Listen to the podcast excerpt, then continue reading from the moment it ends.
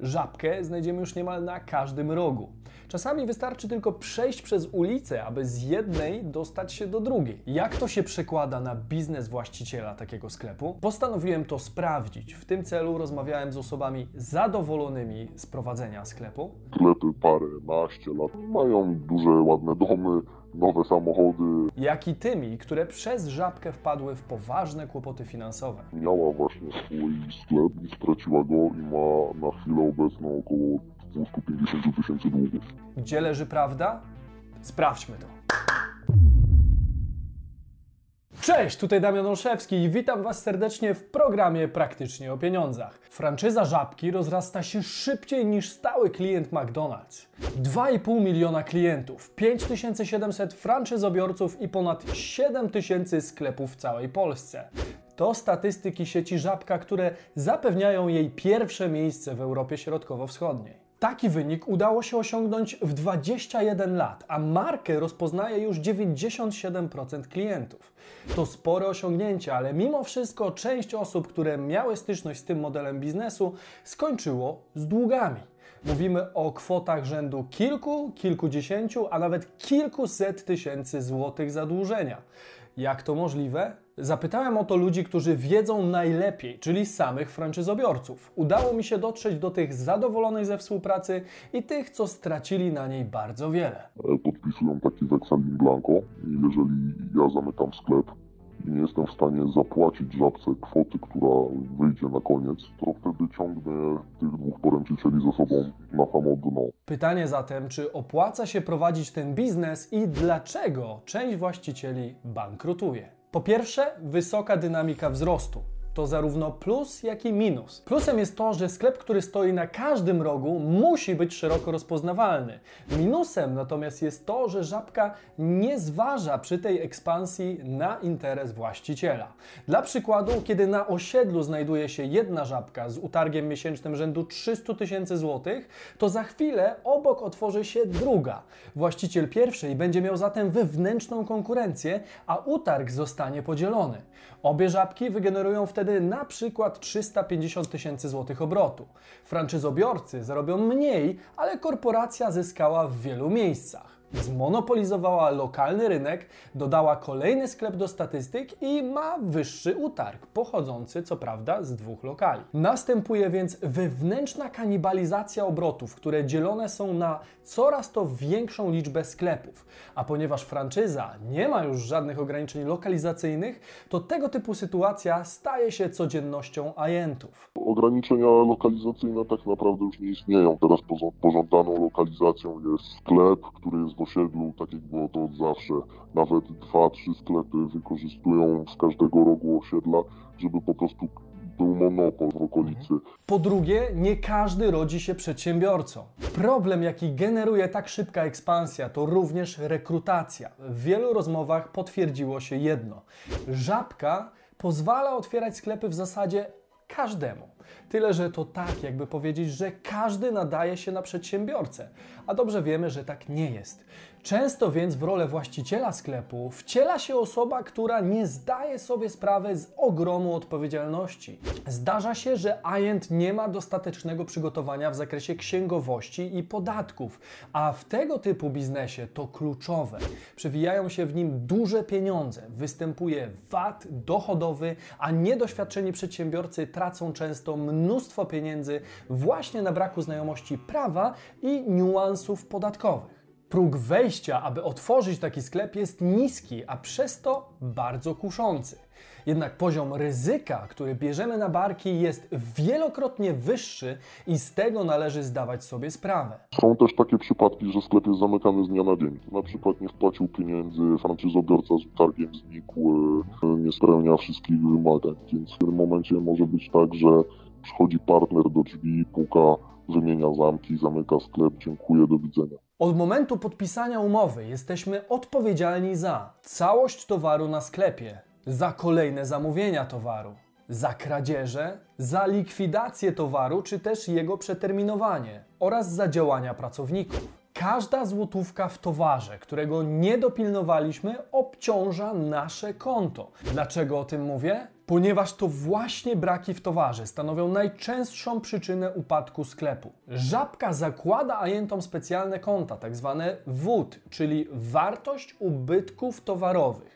Jest to swego rodzaju poduszka finansowa, na której odkładane jest zwykle między 1 a 1,5% obrotu miesięcznego. Ta kwota odejmowana jest od dochodu ajenta i służy do wyrównania braków towarowych na koniec roku. Braki zawsze się pojawiają. Pytanie jedynie, czy starczy na nie pieniędzy z ratunkowego funduszu. I tu przechodzimy do trzeciego punktu. Po trzecie, żabka to biznes czy samozatrudnienie? Przychodzi młody człowiek, chce otworzyć żabkę, przechodzi szkolenie, dostaje ten sklep i on myśli, że jest dyrektorem firmy. Wielkiej, ogromnej firmy. Wiele osób podchodzi do założenia żabki jak do prowadzenia jakiegoś niesamowitego biznesu na autopilocie. Tyle, że to nie jest tak, że można tylko wydawać polecenia podwładnym i praca sama się wykona. Bo gdy przychodzi rzeczywistość, to okazuje się zupełnie inaczej. Ajenci, którzy wyciągają z tego biznesu sensowne pieniądze, mam na myśli kwoty rzędu 5 do 15 tysięcy złotych, to osoby, które często spędzają w sklepie większość swojego życia. I przyznają się do tego otwarcie. Powodem jest oszczędność na pracownikach i chęć dopilnowania interesu osobiście. Ja spędzam różnie, czasami nawet 12-17 godzin z 6 do 23.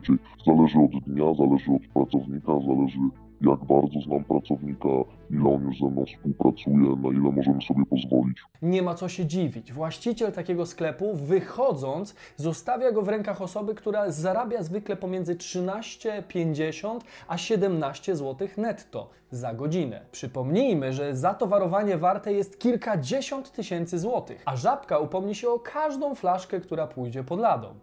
A umówmy się, personel żabki czasami pozostawia sporo do życzenia.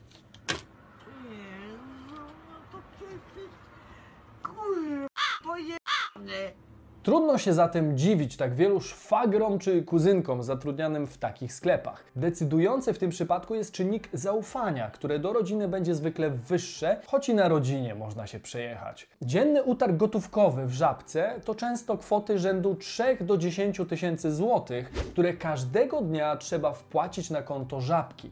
To generuje znowu problem na gruncie zaufania do pracownika i często właściciel sklepu robi to sam, aby nie stracić. Codziennie robisz zamówienia, e, codziennie potwierdzasz dostawę. Możesz osobę wyznaczyć, która będzie za to odpowiedzialna, ale tak naprawdę no wtedy nie panujesz nad sklepem. Im więcej czasu spędzisz na sklepie, im więcej czasu poświęcisz pracy, którą wykonujesz w tym sklepie, tym bardziej sklep jest zadbany, jest czysty, jest dokładnie wszystko porobione i panujesz nad tym, co się dzieje. Dużo zależy więc od tego, ile uwagi poświęcimy prowadzeniu takiego sklepu, ponieważ jest to bardziej samozatrudnienie niż biznes. Tego trzeba być świadomym i nie nastawiać się od razu na delegowanie zadań, bo podejmujemy wtedy bardzo duże ryzyko. Lepiej przejść w takiej sytuacji przez parę miesięcy przez wszystkie procesy samemu, od stania na kasie po zamawianie towaru czy otwieranie sklepu. Po czwarte, dochód, który gwarantuje żabka, nie zawsze wystarcza. 16 tysięcy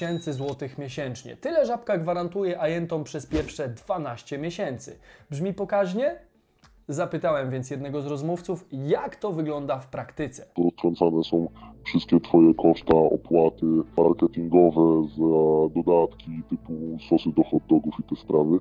Od tego 16 tysięcy oczywiście opłacam pracownika, księgową, wszystkie podatki, ZUSy, składki i wszystko po kolei. Tak więc z tych 16 tysięcy trzeba opłacić wszystkich pracowników, ZUS i Urząd Skarbowy, Dodatki do potraw, jak na przykład sosy do hot dogów, opłaty marketingowe, opłata za lokal. oraz księgowość. Zapytałem też, ilu pracowników musi zatrudniać optymalnie prowadzony sklep. Taki średni model to jest 2 plus 2 plus 1. Dwie osoby rano, dwie osoby po południu, jedna osoba w tym czasie ma wolne. Zależy to oczywiście od wielkości sklepu i obrotu. Zakładając jednak obrót rzędu 200 tysięcy złotych netto, najczęściej praktykowane jest tak zwane 2 plus 2 plus 1, czyli dwie osoby na dwie zmiany plus jedna dochodząca w porach bardziej aktywnych, zwykle od 16 wzwyż.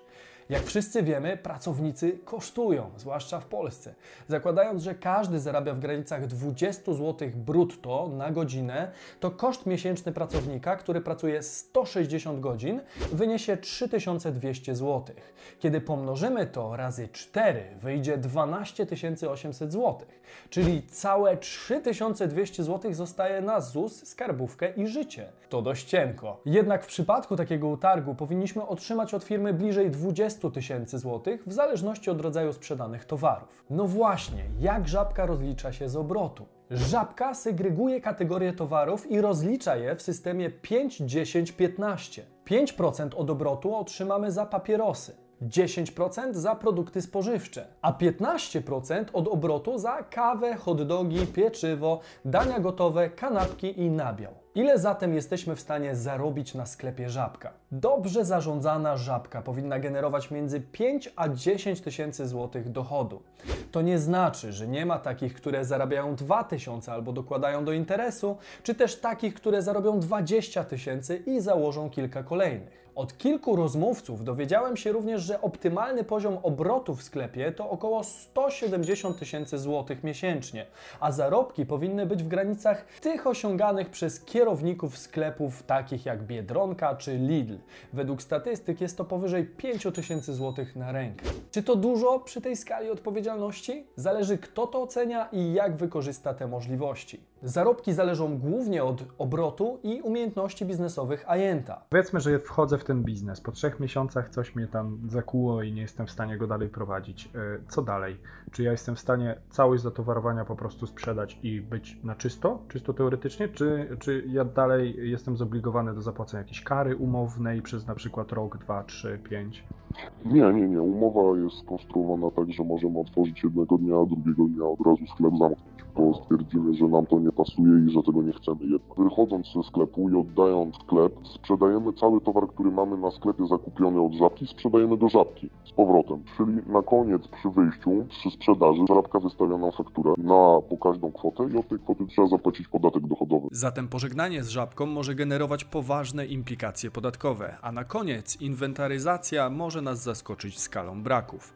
Sklep trafia do nowego franczyzobiorcy, który przejmuje go wraz z towarem. W przygotowaniu do tego odcinka wzięło udział wiele osób, które narażały własną skórę za co należą im się wielkie brawa w komentarzach. Spędziłem kilkanaście godzin na rozmowach z nimi i wiem, że bez nich ten materiał nie byłby tak kompletny. Dziękuję. Mógłbym mówić na ten temat jeszcze bardzo długo. Koniecznie dajcie znać, jakie są Wasze doświadczenia z żabką i czego chcielibyście się dowiedzieć, gdybym kontynuował ten temat. Subskrybujcie kanał tutaj i zobaczcie kolejny odcinek tutaj. Do zobaczenia w kolejnym materiale. Cześć!